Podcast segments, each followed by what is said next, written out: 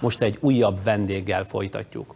Furcsa dolog ez, és az én szakmámban sokat elárul valakiről, ha nem felejtik el, a nevét halva senki se vág töprengő arcot, pedig hosszabb ideje nincs már folyamatosan a képernyőn, vagy nem szól a hangja a rádióból. Egy szóval, ha valaki akkor is jelen van, amikor nincs jelen. Például a Szilágyi.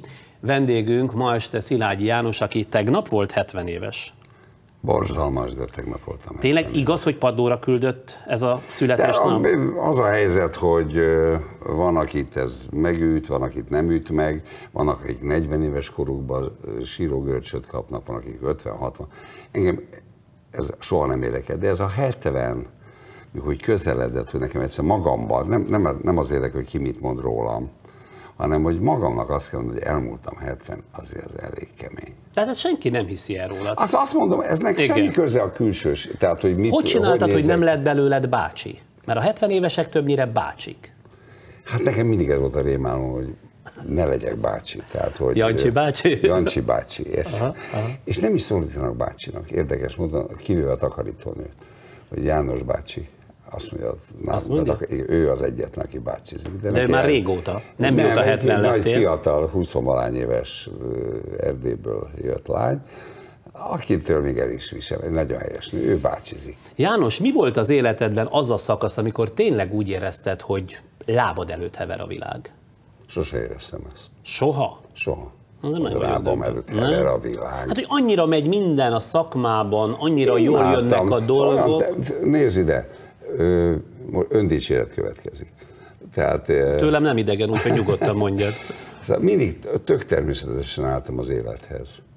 Tehát amikor nekem futott a szekér, akkor nekem futott a szekér, de soha nem használtam ki, nem jártam egyenesebben, nem volt a hangom keményebb vagy hangosabb. Egyszerűen éltem az életemet, ami beletartozott a szakma persze. Azt már elképzelted valaha is, leg, legalább mondjuk játékból, hogy ha te Amerikában ugyanaz vagy, mint itt, ugyanoda jutsz, akkor hogyan lenne berendezve ott az életed? Hát például nem állnék veled szóba. Na, mi? Hát itt egy Ja. magyar, egy ilyen magyar televíziós műsorvezető, egy magyar mondjuk. televíziós műsorvezető meghívna, amikor én Amerikában két sztár, hát azt nem Sanyi bácsi, ne tessék haragudni. Na, de Na, szóval- szóval ezzel eljátszottam, mint hogy te is eljátszottad, és sokan eljátszották, egyetemi tanárok, és művészek, és költők, és nem tudom kik. Valószínűleg akkor az életem teljesen más lett volna. De hogyan van berendezve ma az életed? Mondd hangosan. Tehát úgy van berendezve, hogy van most, ugye nyilván arra célzó, hogy mit csinálok. Igen. Mit csinálsz és hogyan élsz? Ö, nagyon nehezen jöttem bele abba a dologba, hogy ráérek. Az, az egy kicsit nehéz volt, az ezelőtt három-négy évvel ez sem ezen túl. Nem nagyon csinálsz semmit, ez azt jelenti? De nem, most csinálok. Szóval azért végül is bejött az életembe egy szerződés, egy tévében dolgozom, Ja, ez a Story TV. Story TV, uh-huh. csinálok egy sorozatot a száz leggazdagabb magyarról, akik ebben megjelentek, és ezt az MTV fogja adni. Nagyon érdekes pasikat. MTV, nem a. Story TV? Nem, ezt az MTV. Tehát Ja. engem megkeresett egy iroda, egy uh-huh. produkciós iroda, és ezt nagyon élvezem. Hihetetlen pasik. Ez a száz leggazdagabban Igen, egyenként lejárod igen, mindegyiket, igen. és egy-egy hogy nem vagy portrét? benne, mert akkor megkeresnélek. Ezen essünk túl, igen. Ö, ez- Ezek nagyon érdekes emberek. Szóval, uh-huh. hogy, hogy, hogy nem akarnak, de ugyanakkor akarnak nyilatkozni. Nem nyi- a nyilatkozni, hogy megmutatkozni. És mennyi időt töltesz velük? Egyenként mondjuk egy hét alatt földolgozol egyet, és még tovább? Igen. Igen, Körülbelül ez igen, a igen, rend. igen, igen, Mhm. tehát készülök ezekből e- elég rendesen. Te Készülök. mondod, volt olyan három év, amikor nem csináltál semmit, és azt nehezen vette tudomásul? Igen, az nagyon nehéz volt. Az nagyon nehéz volt, amikor nem egyszerűen kinyitom a naptáramat, és nem volt beleírva semmi. Az az elég nyavajás. Hát különösképpen olyan 30-40 év után, amit magad igen, mögött tudtál. igen, igen, igen, igen. Akkor te Úgyhogy- például arra jutottál, hogy nincs szüksége rád a világnak? Szóval eljutottál akár ilyen végletes De gondolatig is? nézd, az, teljesen felborult az életem. Tehát magyarul régen én, jöttem, mentem, voltak intéznivalóim, telefonjaim, menéseim, riportjaim, stb. Tehát jöttem, mentem, és ez megszűnt, és ez baromi zavarba hozott. Hogy, hogy akkor én most mi, mi vagyok, ki vagyok, mit csináljak magammal. És Magadban akkor... kerested a hibát, vagy a közben átalakuló Nem, nem, világban? nem, magamban nem kerestem a hibát, mert én tényleg nem tehettem, szóval abszolút nem tehettem a dologról, de kétségtelen, hogy hogy nem, tud, nem tudtam feldolgozni a helyzetet. Arról Most beszéljünk, sikerült. Arról beszéljünk, vagy ne beszéljünk, hogy ez meg is betegített téged. Már milyen Ez a, hát, hogy ö, pszichésen. Volt egy, egy, egy depresszióm. Ezzel függött össze, vagy nem, azt én nem tudom. De mindesetre egybeesett időben. Tessék? Egybeesett időben. Igen, igen, igen, igen, igen. Az egy nagyon érdekes dolog volt, majd elmondom neked, hogy neked ilyen lesz, akkor rögtön tud, hogy miről van szó. Tehát fölkeltem reggel, és nem csináltam semmit.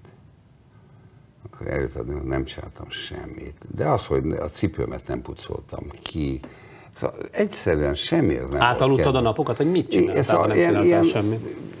A, a legjobban azt szeretem, mikor este van, és lefekhetem.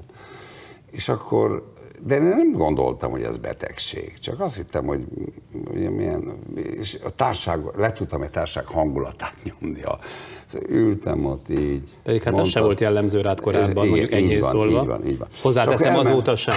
Elmentem az elmegyógyintézet előtt, elautóztam, Hűvösvölgyi úton, és akkor így csináltam, mondom, hát én beteg vagyok.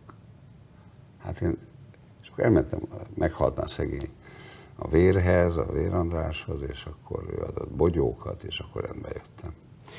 Ha most lennél 30, ez a mostani világ, ez a tied lenne? Úgy értem szakmailag. Valószínűleg tudnám csinálni. Úgy gondolom.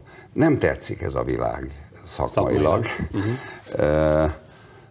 De hát most itt egymást ne oktatgassuk, de hát végül is egy szerepjátszás, amit csinálunk, ugye? Te például most úgy csinálsz, mintha én érdekel. Nem úgy csinálok. Nem, Történetesen nem, te engem érdekelsz. Így van. Van úgy, amikor nem, úgy csinálok, igen, igen, most de, érdekel. Jó, de úgy értem, hogy te erre fölhúztad magad, hogy most itt én érdekelek téged, de különben meg nem kérdeznél tőlem ilyeneket. Hát gyakran De azért ráadásul szoktunk igen, beszélgetni igen, azért igen. Ilyenekről. De szóval a lényeg az, hogy az ember át tudja magát variálni más szituációkra. Tehát, hogyha most lennék 30, és nekem kéne vezetnem a nem tudom milyen fókuszt, vagy a mit tudom mi a túrót, akkor valószínűleg csinálnám. És mond, vannak a 70 évesekre jellemző rigójáid? Egyáltalán figyeled magad, félsz az ilyesmitől, vagy nem értettettem magad ilyen szempontból soha?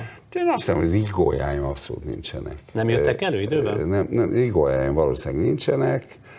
Uh, és ez a 70 éves tényleg nem mond ki még többször mert, de, mert, mert egyszer szörnyű. Annyira rendszeridegen szilágyít, hogy téged ez nem, ennyire nem, megvisel. A halál komolyan nagyon, nagyon megütött. Tehát innentől kezdve visszafelé Nincsenek rigójáim, fiatal, szőke herceg vagyok.